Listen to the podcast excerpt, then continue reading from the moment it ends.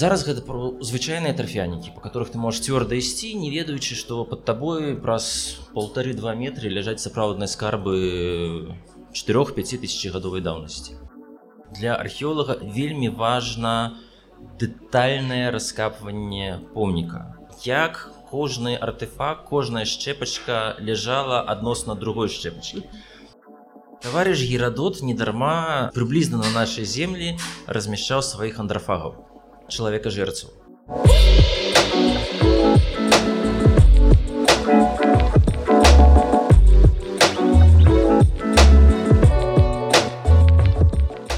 Добрый дзень шаноўна гаспадарства з вами падкаст так склалася гістарычна і я дзягельганна рада вас вітаць сёння на адкрытым запісе нашага падкасту на спраўных калядах 25 снежня у мінску Я дзякую камандзе фестываля справы спраўных каляду якія запрасілі нас зрабіць гэты запіс таму што сустракацца ў студыі канешне гэта вельмі цікава і прыемна.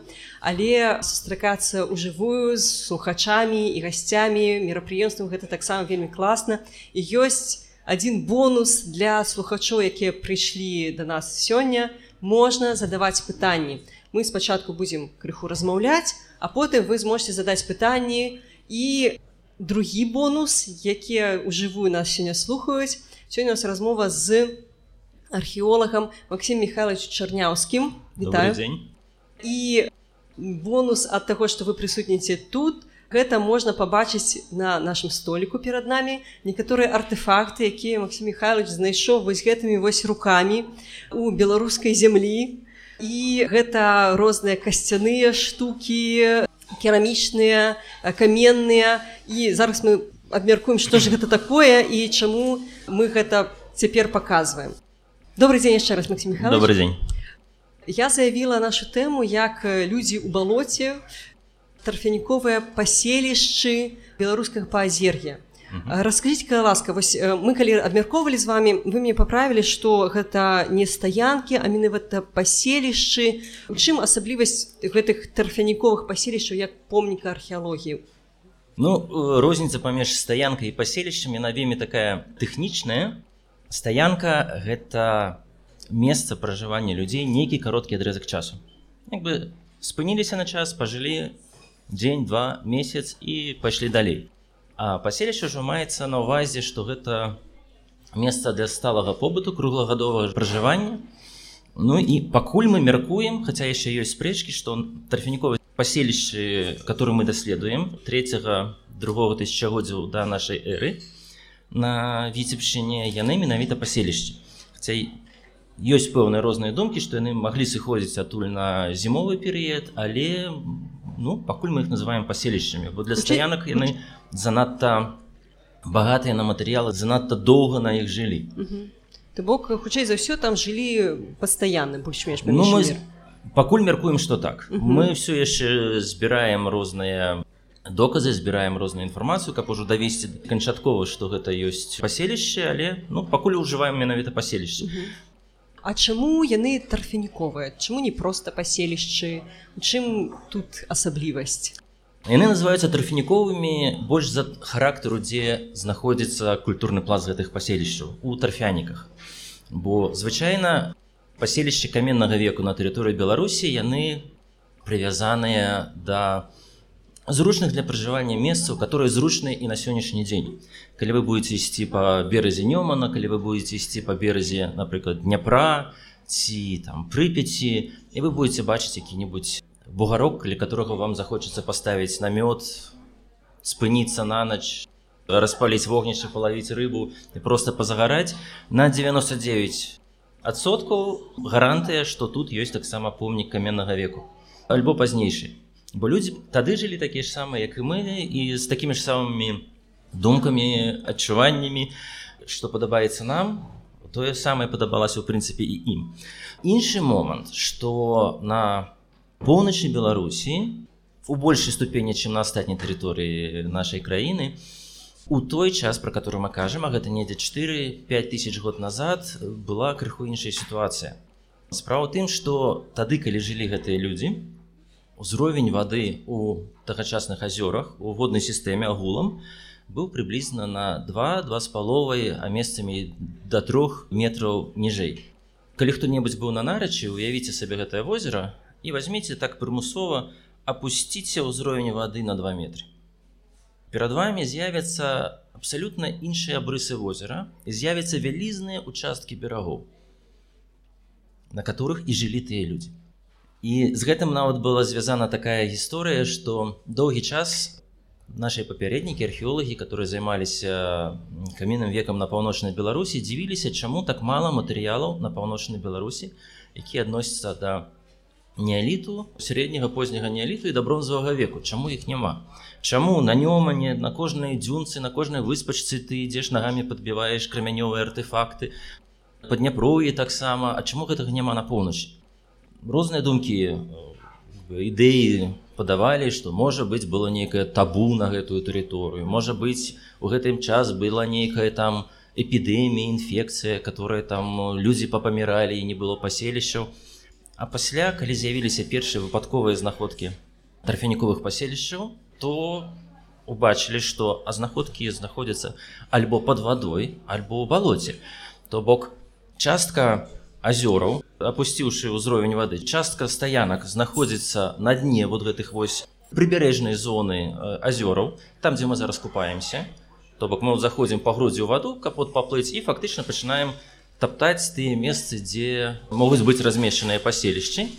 А частка азёраў невялікі адыход зраблю калі кажуць што цяперашняя пазір гэта там некалькі тысяч азёраў гэта вялікая колькасць то на самой справе гэта тое што засталося ад сапраўды вялікай колькасці азёраў бо азёраў было ну, прыблізна недзе ў два разы болей. Просто большая частка з іх была такая плыткая што пасля зменаў клімату яны ператварыліся ў балоты і з часам затарфенікаваліся і менавіта так гэтыя стаянкі которые ў свой час былі заснаваныя на берагах азёраў то плыткіх зарастаючых а з-за гэтага вельмі на сычаных рознай жыўнасцю рыбай птушкай вадаплаўнай прыбярэжнымі рознымі жывёлкамі вадзянымі раслінамі. Тое на чым пабудавалася харчовае жыццё першабытнага чалавеку ў неаліце ў бронзавым веку Ось, яно ўсё ператварылася ў балоты ў балоты ў балоты ў балоты. Спачатку непраходныя пасля яны паступова тарфенікаваліся і Зараз гэта звычайныя тарфянікі, па которых ты можаш цвёрда ісці, не ведаючы, што пад табой праз полторы-два метры ляжаць сапраўдныя скарбы 4-5 тысяч гадовай даўнасці. І то бок перавага гэтых тарфяніковых паселішчаў у тым, што пад торфам захавалася арганіка, я так разумею. Гэта адна з галоўных перавагаў. акрамя таго, так ёсць такая дадатковая перавага. Калі мы кажам пра нёман, калі мы кажам про доступные месцы которые увесь час заставаліся доступнымі я уже казаў что мы такія ж самыя людзі якія жылі тады і гэтыя месцы падабаліся праз увесь час. І зручныя для жыцця бугаркі былі населеныя ад того моманта калі прыйшоў чалавек на гэтую тэрыторыю калі там на паўночнай беларусі чалавек прыйшоў толькі як сышоў адтуль ледавік ад 14 до 10 тысяч гадоў назад попрыходзілі то на поўдні беларусі новыя даследаванні паказваюць что першы чалавек з'явіўся недзе 250 тысяч год назад першы то ведь увесь гэты час зручныя бугаркі гэтыя яны засяляліся засяляліся засяляліся людзі жылі накапліваўся культурны пласт. Пакуль не з'явілася сучасная тэхніка і сельская гаспадарка гэта было не так страшно як пайшло ворыва як пайшло нармальнае ўмешанніцтва чалавека ў зямлю археалагічны матэрыял пачаў нішчыцца mm -hmm. вот гэты вот вялікія фрагменты керамікі якія перад вами ляжаць яны немажлівыя па-за тарфініковымі пасельчамі бо яны папросту былі б здратаваныя плугамі бараною трактарамі коламі ўсім ты нават просто хацьбою чалавека а тарфініковыя паселішчы калі у сярэдзіне другого тысячагоддзя да нашай эры адбыўся крытычны кліматычны такі зрыў змена і ўзровень вады падняўся да амаль да сучаснага ўзроўню нага чалавека альбо нейкай тэхнікі на гэтым месцы больш не ступала. Як гэта ўсё было кінута так, так все і засталося так закансервавала так так яно і закансервавалася і тут мы пераходзім якраз да гэтага чароўнага слова закансервавалася mm -hmm. бо у тарфяніка ёсць две чароўныя для археолагаў уласцівасці першае торф сам па сабе дубічае рэчыва ён сам па сабе кансервуе арганіку любую арганіку а другі момант можа нават больше асноўны торфянік торф не пропускае кісларод няма кіслароду няма бактэрыі гніення няма бактэрыі гніення у нас костка дрэва кара у некаторых выпадках калі гэта не крануты тарфянік без меліярацыі ён яшчэ вадкі то нават больш далікатная арганіка скура можа нават захоўвацца больш мягкія тканкі напрыклад з тарфянікаў нямметчыны з тарфянікаў скандынавіі калі захоўваюцца чалавечыя целы можа дзесьці у нас ляжаць але мы так пакуль іх не знаходзілі вось. Тарфянік цудоўна захоўвае мінулыя да нашага часу. І таму ёсць некаторыя археолагі которые кажуць калі ты не капаеш тарфянік то ты дарма губляеш час бо тарфянік дае табе у десяткі разоў больш інфармацыі. Калі мы нават вот паглядзім на наш стол і вот хороший як прык ну не зусім хороший прыклад але прыблізна. Вот убраць адсюль усю арганіку у нас застануцца гэтыя тры фрагменты керамікі вон там застануцца каменныя сякеры і тут застанецца крышку крэмню і стол стане на большым на палову пусты. Гэта як каб прыбраць напрыклад сучаснага нашага побыту. побыту з таго што ўсё навокал нас пакінуць толькі напрыклад жалеза. І на падставе гэтага спрабаваць аднаўляць як жыў чалавек нашага часу. Толькі па жалезных рэчах ну рэканструкцыя была б вельмі вельмі вельмі непоўнай і гэта таксама тарфянік дазваляе рабіць значна больш поўную рэканструкцыю жыцця пешабытнага чалавека нават не ў разы а просто ну значна значна больш поўная Тады як знайсці вось гэты каштоўны скарб дзе яго знайсці? Якія выпадкі знаходжання былі? Ведаце это сапраўды самая галоўная праблема на, на самой справе. Як бы мой светлай памяці тата казаў галоўны прынцып археолага чым больш зямлі паклоніся тым больше на табе дае і тут той же самы прынцып толькі з дафініковымі паселішчамі значна складаней калі мы ідзем по пясчаных узбярэжжах нёмана ці чагосьці я уже казаў можна прымітыўна нават так прыкідваць цудоўнае месца нават просто вот такі алгарытм дзе вы будете ставіць палатку? Будете ставіць у балоце ці на пагорачку на пагорачку будете ставіць далёка ад вады ці каля вады дзе можна пакупацца і набраць вады каб згатаваць есці каля вады вы будете ставіць з паўночнага берагу дзе будзе ўвесь час цені холодна ці вы будете ставіць з паўднёвага схілу гэтага пагорачка дзе будзе сонца свяціць вам будзе цёпла зручна хутчэй будуць адтуль камары сыходзіць конечно з паўднёвага но вы ўжо знайшлі археалагічную стаянку я свіншую то бок фактычна алгарытм вельмі прост. Але гэта калі вы ідзеце і у вас усё на паверхні А калі вот гэты вось рельеф знаходзіцца под двумя скажем полуторамі метрамі торфу і тарфянік гэты ну скажем ужо пасля торфараспрацовак ён просто ператворены ў такую гарызантальную пляцоўку знайсці вокам такія стаянкі просто немажліва на жаль.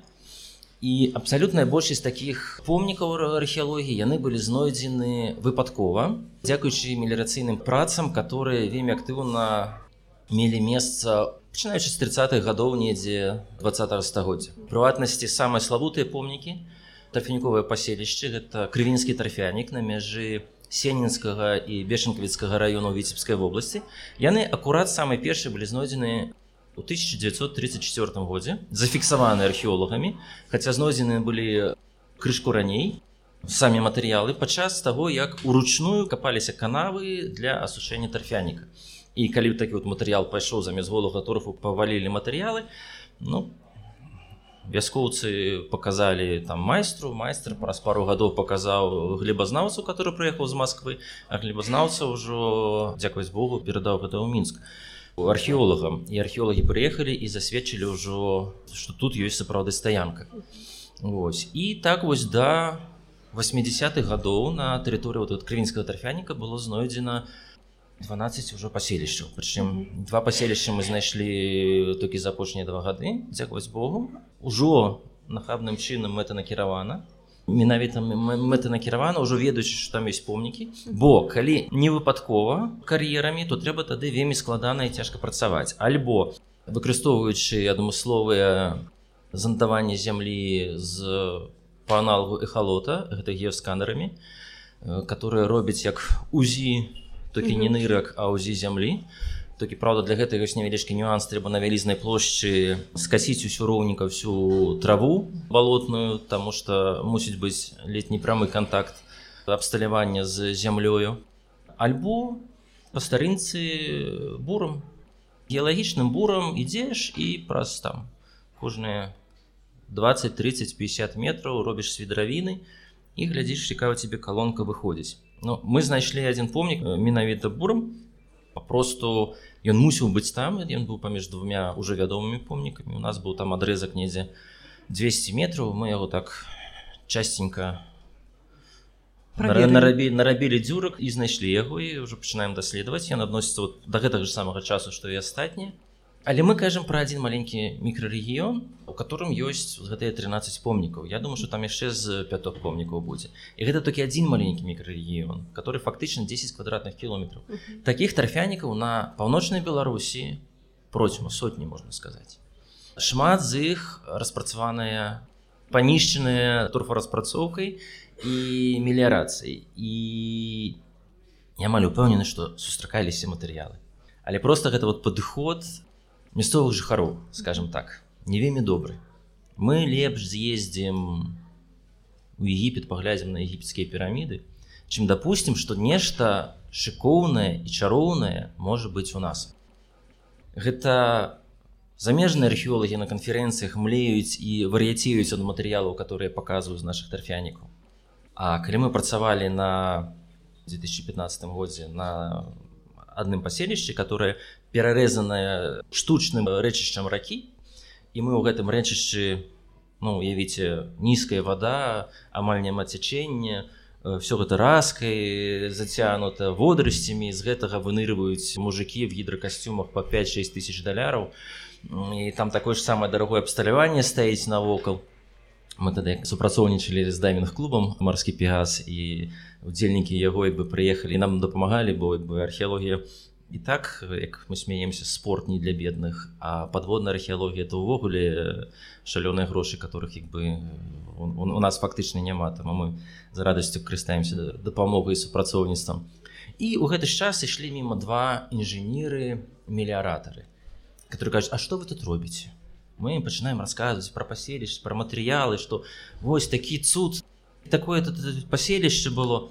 Нас глядзяць нешта дурное нам залівае акадэмію навук но які ты то балоце жыць будзе і пайшлі сабе далі так і не поверылі і паедуць пасля ў егіпет глядзець на піраміды а мы засталіся тут капацца скажите ласка якую інфармацыю нам дае паселішча археалагічнай раскопки потому что я разумею что тут не просто артефакты важно знайсці але і іх стан дзе яны знаходзяцца што мы ўжо ведаем пра побыт старажытных наших продкаў по гэтым дадзеным? Найперш скажу нават не да тарфяніковых паселішчаў а агулам что для археолага вельмі важна дэтальнае раскапванне помніка. Як кожны артефакт кожная шчэпачка ляжала адносна другой шчэпачкі Прычым нават калі это смецце мы фіксуем і смецце таксама вельмі дэтальна таму што гэта дазваляе аднавіць як яно там утварылася. То бок у гэтым сэнсе гэта вельмі нагадвае працу дэтэктыва который прыходзіць на месца забойства. Як што ляжала по гэтым можна аднавіць як это забойство адбылося. Што скралі што не скралі хто забіў адбіткі пальцаў і так далей. Тое самае робіць археолог вось гэта адносна раскопак. Таму для прыкладу калі у у 30-х годах праводзіліся раскопкі на тарфяніковых паселішчах і у 59-64 годзе праводзіліся раскопкі на тарфяніковых паселішчах крынскага тарфяніка дзе я капаю норма была за 2-3 месяцы ускрыць там 80 квадратных метров раскопа на глыбіню метр метр 20 150 квадратных метров на глыбіню метр метр 20 зараз я капаю 2-3 тыдні раскоп недзе 15 квадратных метраў з хуткасцю 10 сантиметраў у тыдзень калі пашанцуе то бок вельмі марудна вельмі акуратна дэтальна все фіксуюць адносна матэрыялу. Мы сказалі что тарфянікі захоўваюць арганічныя вырубы і гэта просто абсалютна новы сусвет. Бо што мы ведаем по крэмню что людзі апрацоўвалі костку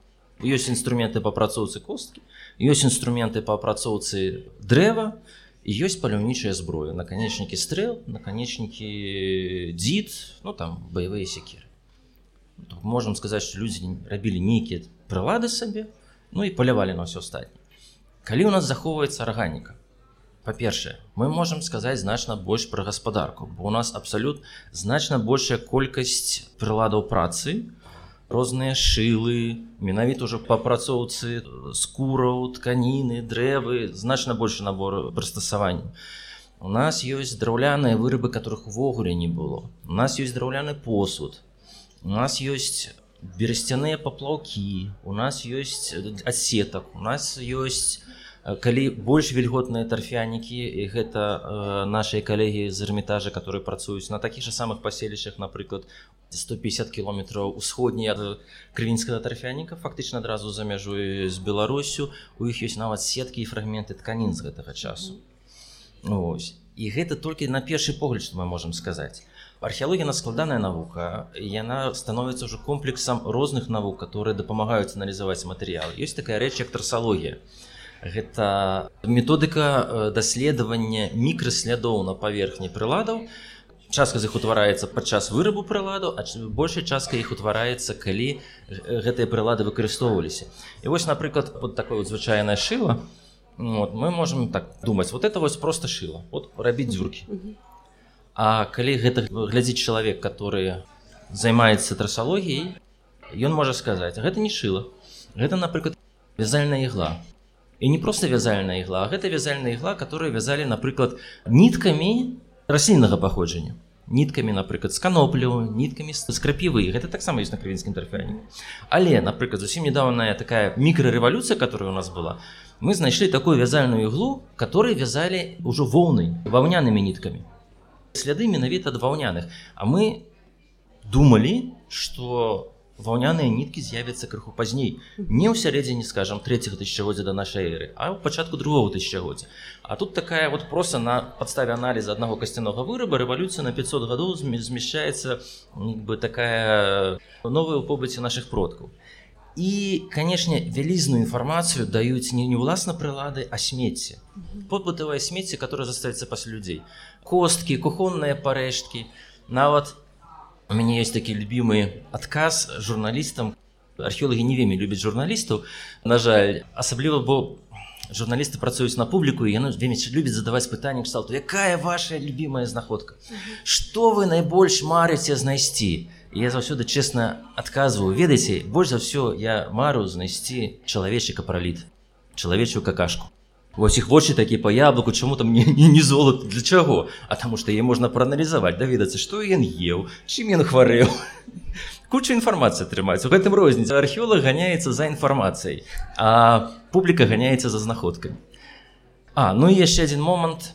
Трафініковыя стаянкі вельмі моцна павялічваюць нашыя веды пра духовную культуру наших продкаў.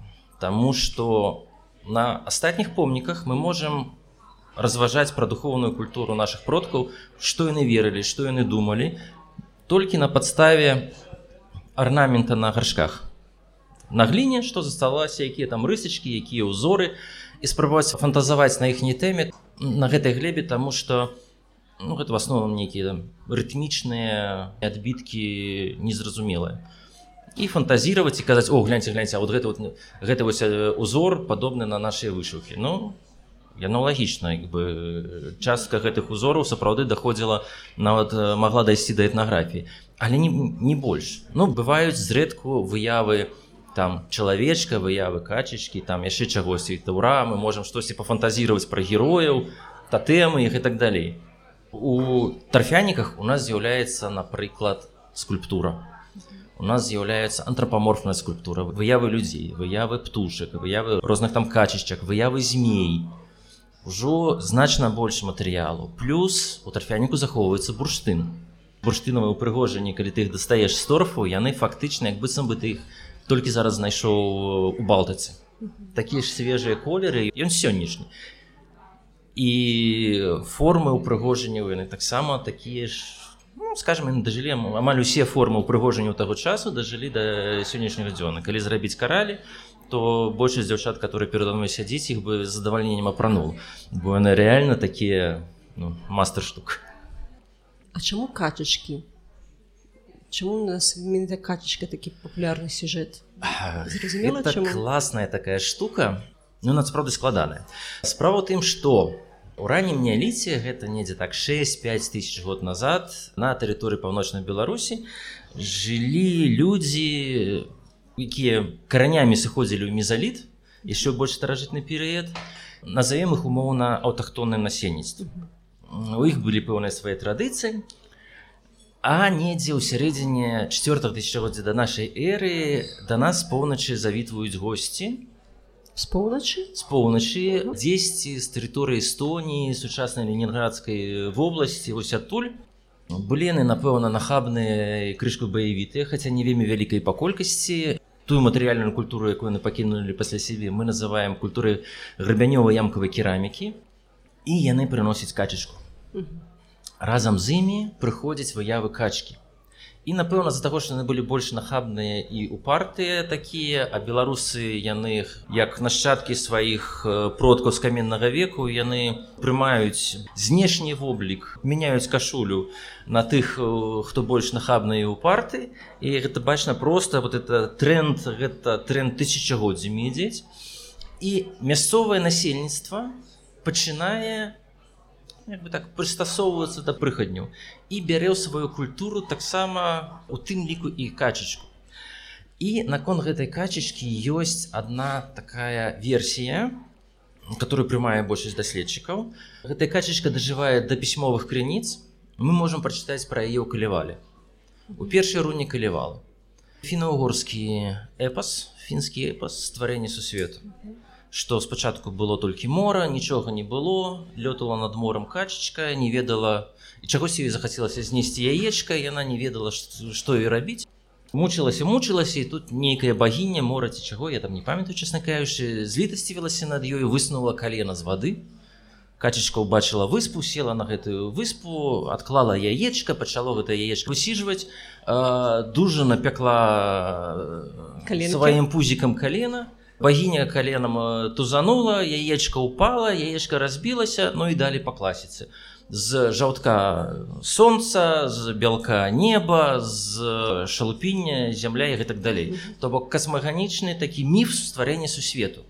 І большасць даследчыкаў на самой справе лічыць што вот гэтай вот качачкі 4 тысячагоддзя і пасля яны існуюць у нас фіксуецца ў матэрыяле фактычна нават да часоў крывічоў яны фіксуюцца гэтай качачкі гэта ўсё звязана з гэтым касмаганічным міфам. Гэта вот гэта вот традыцыя светапоглядная которая прыйшла з поўначы сюды і тут э, умацавалася.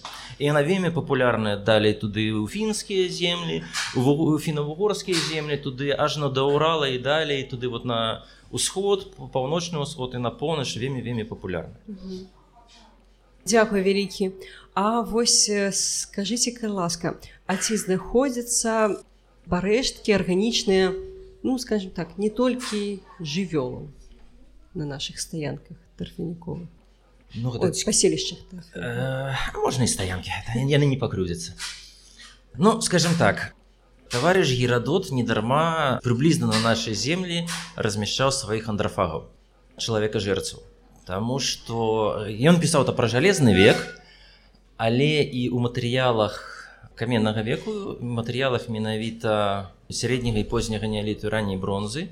Мы сапраўды сустракаем ну, сярод костак пашчепленых якія засталіся пасля гатавання ежы. Сярод костак ласёў медзвядзёў зуброў дзікоў баброў там куніц. Ну, перамешку у меншай колькасці але сустракаюцца косткі чалавека.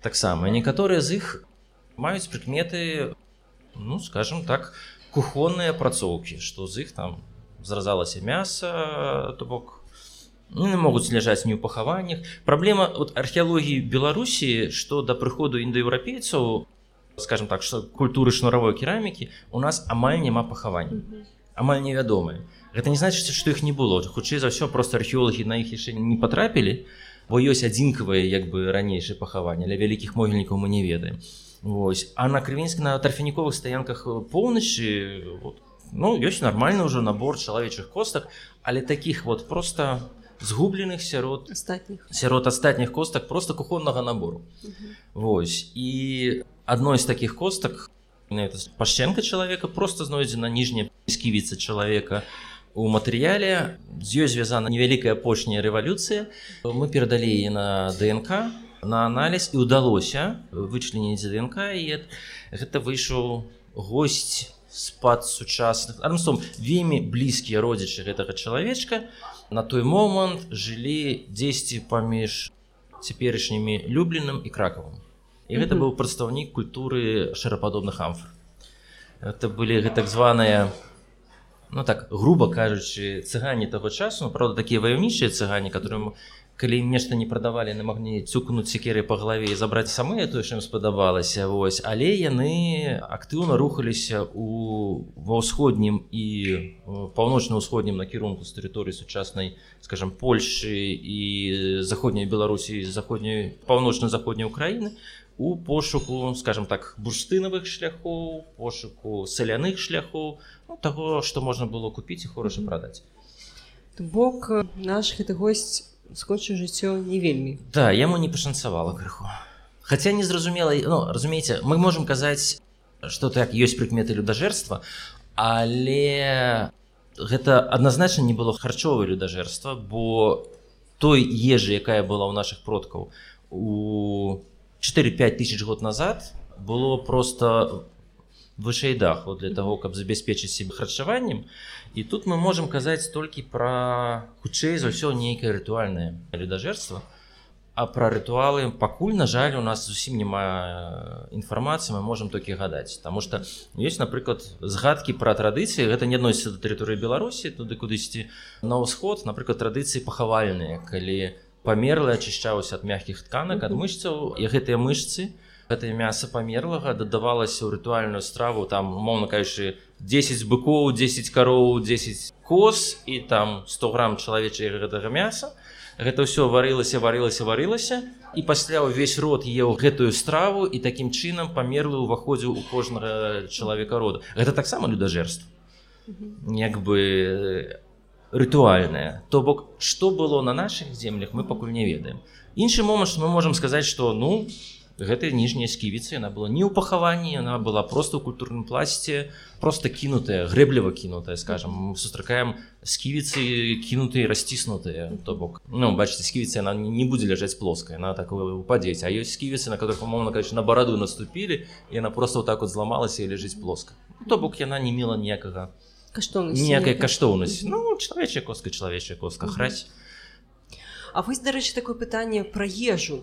Просто ну, гэта ёсць такое уяўленне так что у мінулым першабытныя людзі яны жылі там бедачылі жалкае существаванне да. ледзьве там хадзілі нешта шукалі па лесе гэтую ежу і ледзьве ледзьве ім хапала ежы каб пракарміцца ці сапраўды гэта было так. Слухайте калі мы кажам пра тэрыторыю сучаснай беларусі паўночнай беларусі которая на той момант складала суцэльны лес з азёрамі і на тэрыторыі паўночнай беларусі на той момант жыло дай бог 5000 год назад скажем так дай бог 5000 чалавек а то можа нават меней менш чым у самым маленькім райцэнтры паўночнай беларусі гэта ўсё было раскінута на гэтую вялізную плошчу прырода чалавека просто не бачыла то бок гэта быў ну, яшчэ адзін драпежнік который ніяк не ўплываў на прыроду бо яны былі паляўнічымі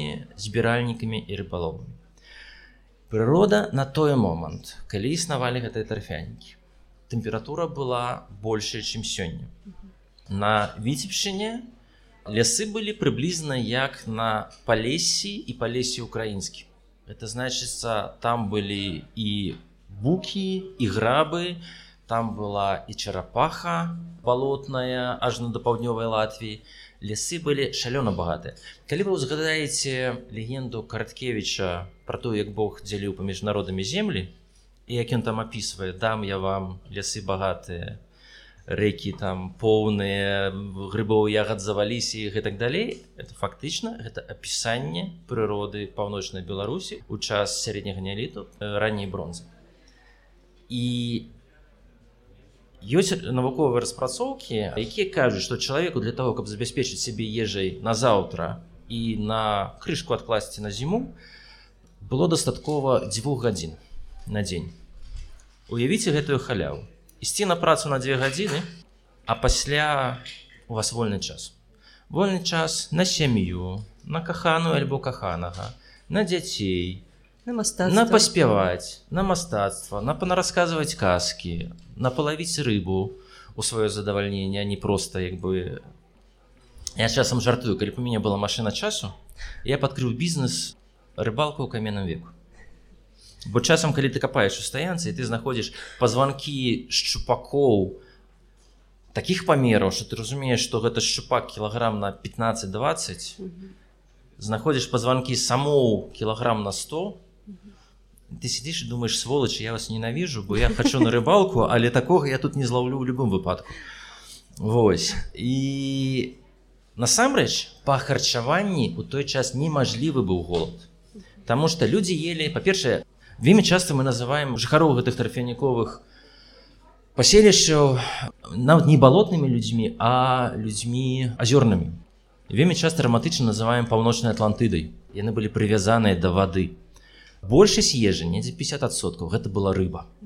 Рыбы было вельмі много. Е лавілі вудамі яе білі гарпунамі лавілі сеткамі е білі падчас нераста дубінамі бо ты ж самыя шчупакі на нераз вот уявіце это тушы 15-20 кілаграмовыя вясной на нераст выходзіць на мель там дзе вот залітыя поймы і там глыбіня 20-30 сантиметров трычыць гэтая рыба трычыць ты падыходзіш просто дубінамі хваліш таму шчупакоў вельмі много у археалагічным матэрыяле таму што іх напэўна нарыхтоўвалі просто десяткамі а то і сотнямі і гатавалі акрамя гэтага ёсць такая штука которая зараз у чырвонай кнізе ў беларусі яна называется чылім вадзяны орех.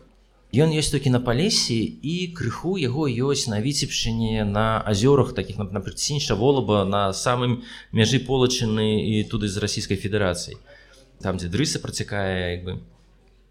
Іх было вельмі много гэтых вадзяных арэхаў есть нават азёры арэхавыя которые у нас называется яно называется арэхавым не таму что там арех па берагах рос потому что арех рос у самім возеры.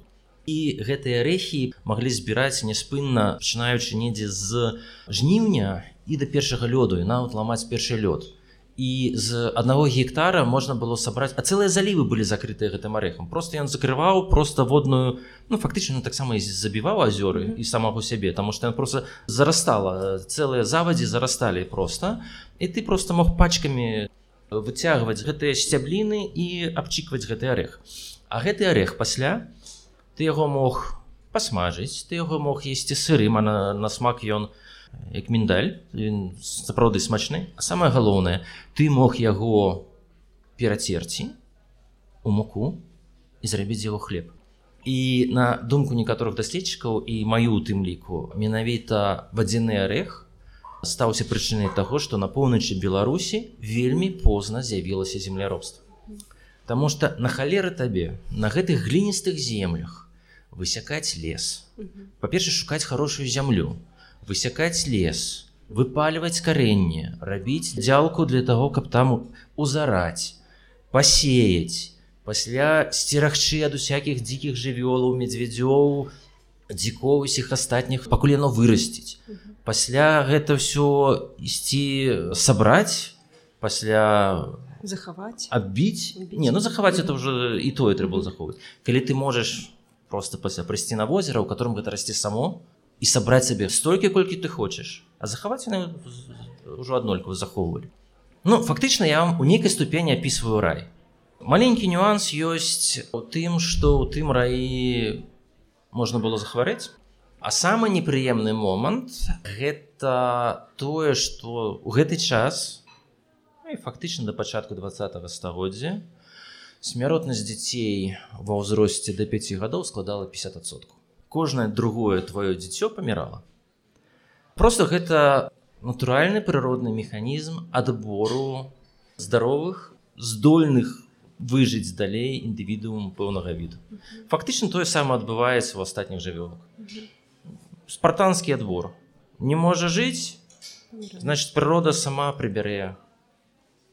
До 5 гадоў гэта чалавечак памрэць фактычна цяпер медыцына гэта ўсё змяніла ну, фактычна я вельмі моцна ў дзяцінстве хварэў на запаленне лёгкіх хутчэй за ўсё я б таксама не перажыў гэта рубежа у 5 гадоў то бок гэта была плата за гэты рай на зямлі кожнае другое твоё дзіцё памірала і фактычна з-за гэтага на паўночна-ўсходняй Еўропе у тым ліку на паўночнай беларусі насельніцтва не расло. У двух чалавечкаў мужчыны і жанчыны нараджалася і дажывала да дзетароднага ўзросту таксама два чалавечкі. Таму насельніцтва было стабільна і таму калі з поўдня прыйшлі земляробы у которых быў прырост вось то яны паступова перамалолі мясцовае насельніцтва альбо прымусілі яго таксама пераходзіць на земляробства для таго просто каб выжыць канкурентнасці Дзякуй вялікі. Я напэўна апошняе пытанне задам. Скажитека ласка вось калі чалавек знойдзе нейкі артефакт падобны вось на тое што ён знайшоў на тарфяніку каля тарфяніку што яму трэба рабіць каб вось гэту нашу спадчыну не разбурыць? А, тут і лагічна і ў адпаведнасці з заканадаўствам аднолькавы як бы механізм ідзіце ў бліжэйшы музей і аддаеце ў бліжэйшы музей. Як бы ў крайнім выпадку крайнім выпадку паведамляеце якому-небудзь знаёмому археолагу бо гэта сапраўды скарбы і вельмі часта яны чалавека паляжаць у скрынцы будуць выкінуты. Як вы паглядзеце на некаторыя гэтыя прылады пасля касцяны ну пагуляцца ну дзіўная костка пагуляўся і выкінуў яе пасля. А археолог прыйдзе на тое месца і будзе шукаць і можа быць сапраўды знойдзець новае паселішча альбо новую стаянку.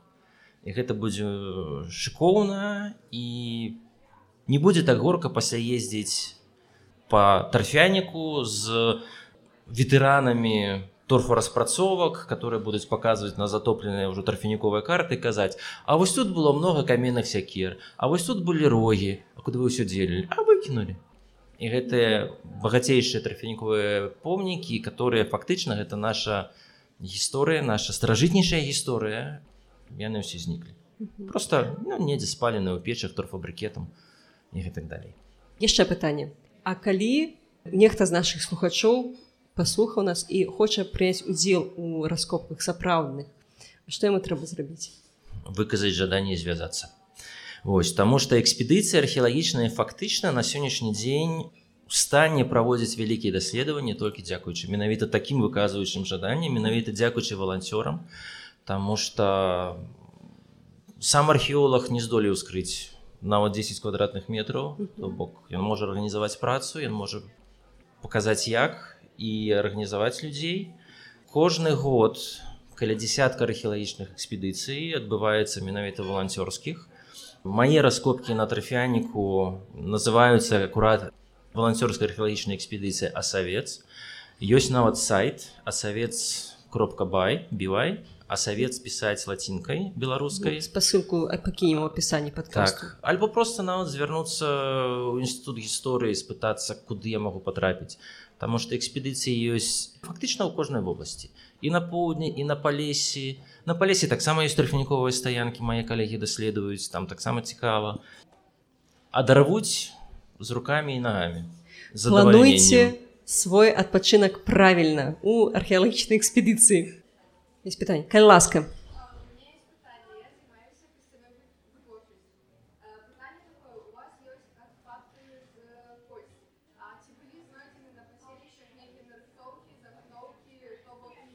зараз хвілінка я агучу мікрафон гэта пытанне каб гэта засталося запісе ці засталіся нарыхтоўкі загатоўкі для касцяных вырабаў на паселішча скажем у нас есть поўны цыкл майстравання касцяных вырабаў розных вырабаў ад базавых нарыхтовак з косткі з рогу ад базавых паслядоўных тэхналагічных аперацый ад выдзялення эпіфізаў наразання розных трубак да фінальных частак. Самая лепшая знаходка которая мне больш за ўсё падабаецца гэта незавершаны выраб тому что ён дазваляе рэканструяваць сам працэс.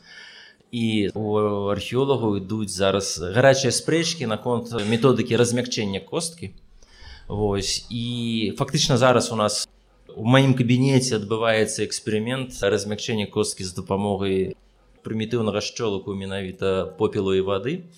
Ну ён уже паўторна першы раз я ўжо рабіў. І мне ён спадабаўся. Вынік быў такі што я просто габлюшку завязаў вузлом касцяную з ласінай косткі и все она высохлась, стала натурально твердой. Вот. Мои питерские коллеги э, сказали, что так неможливо. Вот зараз я повторяю, как им показать к ихнему приезду, як акурат, бо их не тримався чомусь експеримент, і у іх не, размяк... не размягчилася зусім, тому мы зараз яго повторяем. Ось. Все гэта ёсць, і калі вам цікава, можете звярнуцца, тому што я фактычна кандыдацкую дысертацыю акурат па костцы і рабіў. І па вырабу там вялікая частка. Так, яшчэ магчыма пытанне? Ласка.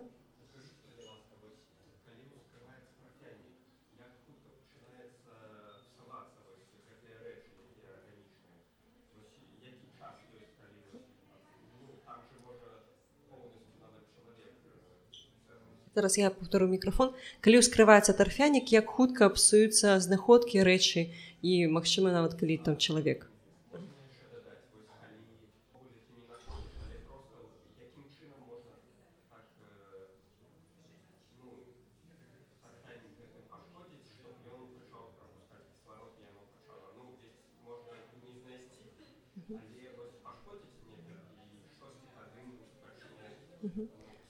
Ага. І другое пытанне якім чынам можна пашкодзіць тарфянік не знайшоўшы нічога але ўжо працэс будзе парушаны захоўвання ну, пачнем з першага. Па-першае вельмі залежыць ад тарфяніка. І нават ад канкрэтнага месца ў тарфяніку бо там пэўная хімія розная і вот ёсць нават прыклад у мяне ёсць два помнікі а савец 2 і савет 7 яны знаходзяцца на адлегласці 500 метров у іх розны стан захаванасці косткі горшы і лепшы. Ёсць тарфянікі напрыклад у прыбалтыцы дзе цудоўна захоўваецца дрэва не захоўваецца костка. Пэўная хімія спрыяе менавіта такому. Зразумела что чым грубейшая арганіка тым лепш на захоўваюцца пасля таго як ты я знайшоў. Скажем некаторы з гэтых касцяных вырабаў яны не кансерваваныя зусім. Частка за іх знойдзена яшчэ 80-е гады яны цудоўна захоўваюцца і будуць захоўвацца ёсць которые на працягу месяца могуць пачаць раскладацца. Вялікія праблемы ёсць напрыклад з зубамі вырабамі зубоў зыклаў там дзікоў баброў мядзведзяў тому что эмаль зуба мае іншую фізіку высыхання чым напрыклад пульпа. І тады эмаль ад пульпы адшчоўкваецца і пачынае разлятацца. Дрэва самая вялікая праблема. Дрэва псуецца вельмі хутка. Яму нельга даваць высыхаць яго трэба кансерваваць і ёсць дзве методыкі. Одна дарагая одна танная. Ну одна зусім танная. Ты запихваешь у ваду і захоўваеш у вадзе. На крышку разбухае але захоўваецца так надоўга. Дадавай туды крыху антысептыка каб там нічога не зацвіло і вадзе ён тебе будзе так ляжаць ляжаць і ляжаць. Самая дарагая ты выкарыстоўваеш поліэтыленгліколь. Ты мусіш замяніць ваду у дрэве на поліэтыленгліколь і тады это высушыць і все будзе цудоўна. а такая ж самая ідэя з цукровым раствором.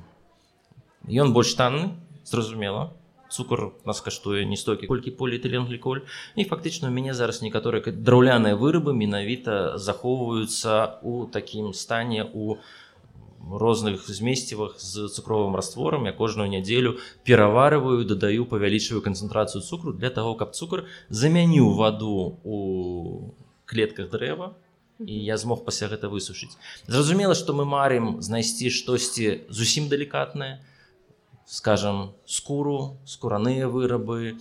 Я мару знайсці і зараз ёсць паселішча на крывінскім тарфяніку на которым мы лезем под ваду з аквалангамі там не глыбока там паўметра але это ну складана бо там гадзінамі трычыш на гэтай глыбіні паўметра але там ёсць больш далікатная арганіка там ёсць напрыклад ніткі з лубу лубяныя ніткі там ёсць тонкія драўляныя вырабы.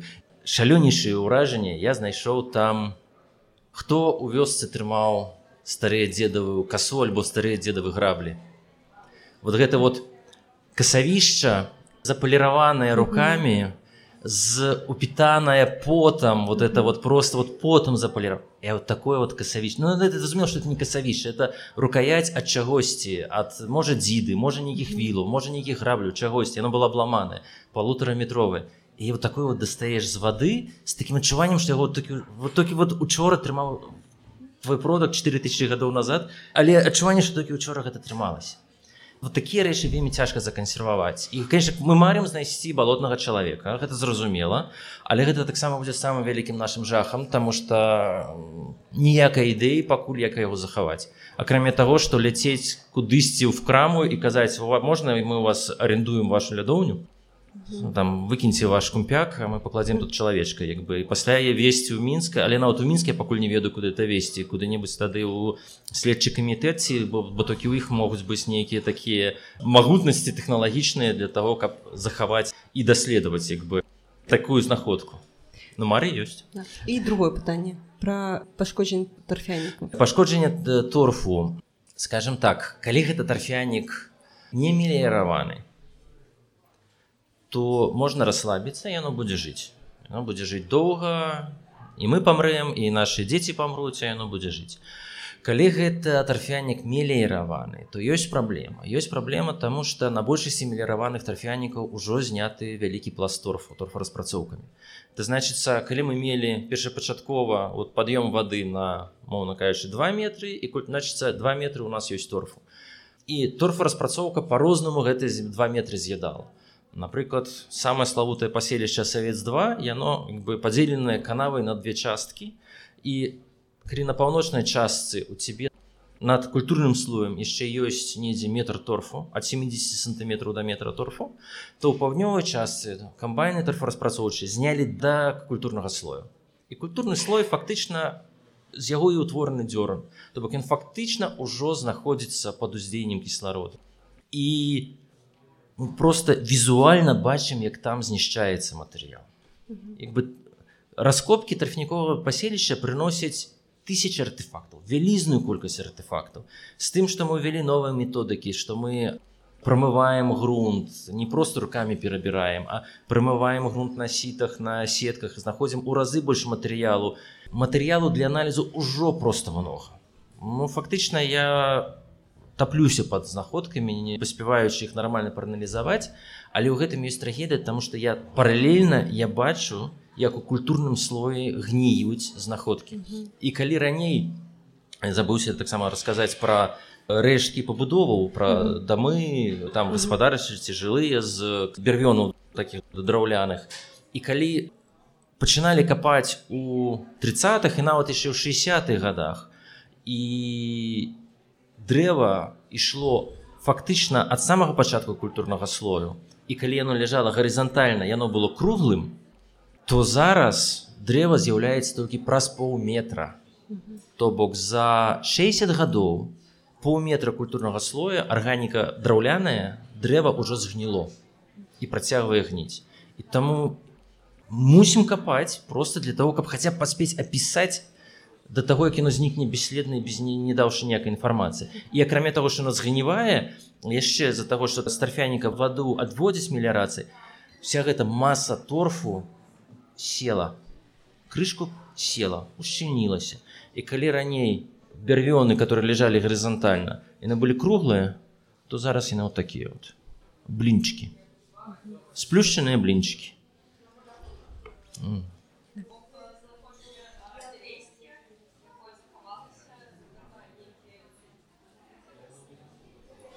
ну там есть праблемы Э, там Прабачце, у нейкай ступені цуд, што яго захавалі это пра бярэсці мова пра бярэсці да у адрозненне ад э, менскага замчышча таму гэта цуд сапраўды ну скажем так для того часу і тых мажлівасцяў гэта сапраўды вельмі было рэвалюцыйна зараз ёсць гэтым пэўныя клопаты пэўныя праблемы каб это выжыла далей ёсць пэўныя дыскусіі паміж археолагамі наконт там даследавання далей бо яно ж не дакапанае ніжэй ідзе культурны пласт.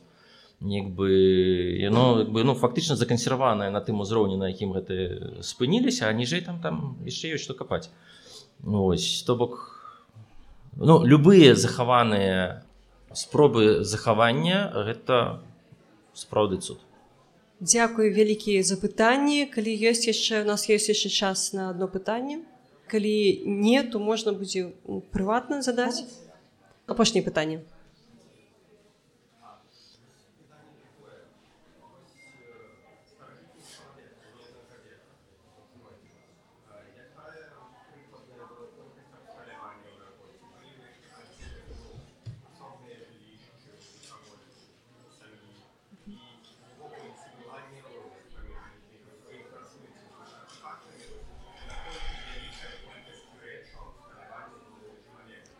ага. Наколькі вялікая ў чалавека была колькасць абсталявання рэчаў ці адрозніваліся жыллёвыя умовы і ці была ўвогуле няроўнасць ці можна прасачыць вось гэту няроўнасць у грамадстве? А... такое пытанне ведаеце на пару гадзін адказу. Ну на самой пачнем з рэчаў. Что самае галоўнае памятаць пра старажытнага чалавека? Што ён такі ж самы як мы вот менавіта пра чалавека з гэтых трафянікаў 4-5 тысяч гадовай даўнасці. Ён такі ж самы як мы. То бок з аднаго боку ён такі ж самы лянівы як мы і лішняга кроку не зробіць. З другого боку ён такі ж самы кемлівы як мы і калі ему трэба нешта канкрэтнае для канкрэтнай працы ён зробіць менавіта нешта канкрэтнае. Таму набор інструментаў вельмі вялікі і каменных і крамянёвых і касцяных тэхналогіі майстравання інструментаў таксама вельмі вялікія вельмі разнастайныя Таму так кожны мусіў умець рабіць усё. Фактычна як казаў мой дзядуля з паўночнай беларусі з-пад мядзела ты мусіш умець рабіць усё. Ты не павінен рабіць усё але ты мусіш умець рабіць усё калі табе спатрэбіцца ты мусіш гэта зрабіць сам а не звяртацца да іншага. Улічваючы што тады былі вельмі маленькія грамадства вельмі маленькія калектывы у цябе не было мажлівасці схадзіць у краму і купіць што-небудзь ці попрасіць кагосьці. Яны былі мульціспецыялістамі мульціумельцамі фактычна ён мог ну выжывальшчыкамі скажем так. Ён мог зрабіць все что яму было патрэбна. Зразумела что у кагосьці лепш атрымлівалася плесці з лазы у кагосьці лепш атрымлівалася апрацоўваць кремень гэта як у кожнага з нас з аднолькавай працай кожны з нас по-рознаму чысціць бульбу хтосьці лепш хоць горш але кожны умее чысціць бульбу ну спадзяюся Вось то бок у гэтым сэнсе яны сабе не не адчувалі нечым абдзеленымі. Наконт няроўнасці цяжка сказаць таму, што ў нас няма пахавання. А няроўнасць можна вызначыць у асноўным толькі па пахаваннях. Таму калі даследуецца ў гэты час прыходзяць плямёны шнуравой керамікі і у іх ёсць курганы, курганныя пахаванні, то ў курганных пахаваннях мы ўжо бачым, што ёсць сацыяльная няроўнасць. Бачым ёсць бяднейшыя пахаванні, ёсць багацейшыя пахаванні, ёсць конечно варыянты что будуць нейкія нюансы культавыя ну, то бок можа быть там нейкаму паважнаму чалавеку. Не абавязкова было з сабой штосьці браць. Можа нейкі умелец як бы. Ну это варианты таму пакуль лічыцца што я раз ёсць багацейшыя пахаванні ёсць беднейшыя пахаванні значыцца ўжо была пэўная нероўнасць хтосьці больш укладаўся у паляванні хтосьці больш рызыкаваў сваім жыццём адпаведна яму была большая пашана і больше кавалак ну утрыруючы больше кавалак мяса яму доставаўся ось хтосьці меншу быў меншы умелец менш укладаўся значит ему меншая долей прыходзіла то бок ну лічыцца што ў гэты час акурат вот конец неаліту пачатак бронзавага веку пачынае гэта вот з'яўляцца. З'яўляюцца э, першыя прыкмет на наших землях. Першыя прыкметы сацыяльнай нероўнасці памятаем што ў егіпце ты там на на урадлівым паўмесяцы там уже абсалютна іншыя гульні былі і гарады нават былі і піраміды будавалі ну, вот. У нас просто быў свой сусвет свая адаптацыя і свая цывілізацыя Дякую вялікі за такі цікавы расповед і разумееш што тут за гэтую гадзіну нават десят долі не раскажаш усяго дзякую вялікі Масім Михайлович Дякую вялікі ўсім, хто нас слухаў у жывую. Дякую вялікі арганізатарам і запіс будзе апублікаваны як звычайны запіс падкасту. Таму я вас запрашаю падпісвацца на сацыяльныя сеткі нашага падкасту, шукаць там, дзе вы слухаеце падкасты на Apple падкастах, Google, Яндекс музыцы, у прыкладаннях для падкастаў. Я вельмі ўдзячна тым, хто, ўжо падпісаныя на соседкі падкасту ў іншых месцах і асаблівы дзякуй патронам на платформе патрыён дзякуючы якім ёсць магчымасць гэтаму праекту расці і развівацца да пабачэння всего добрага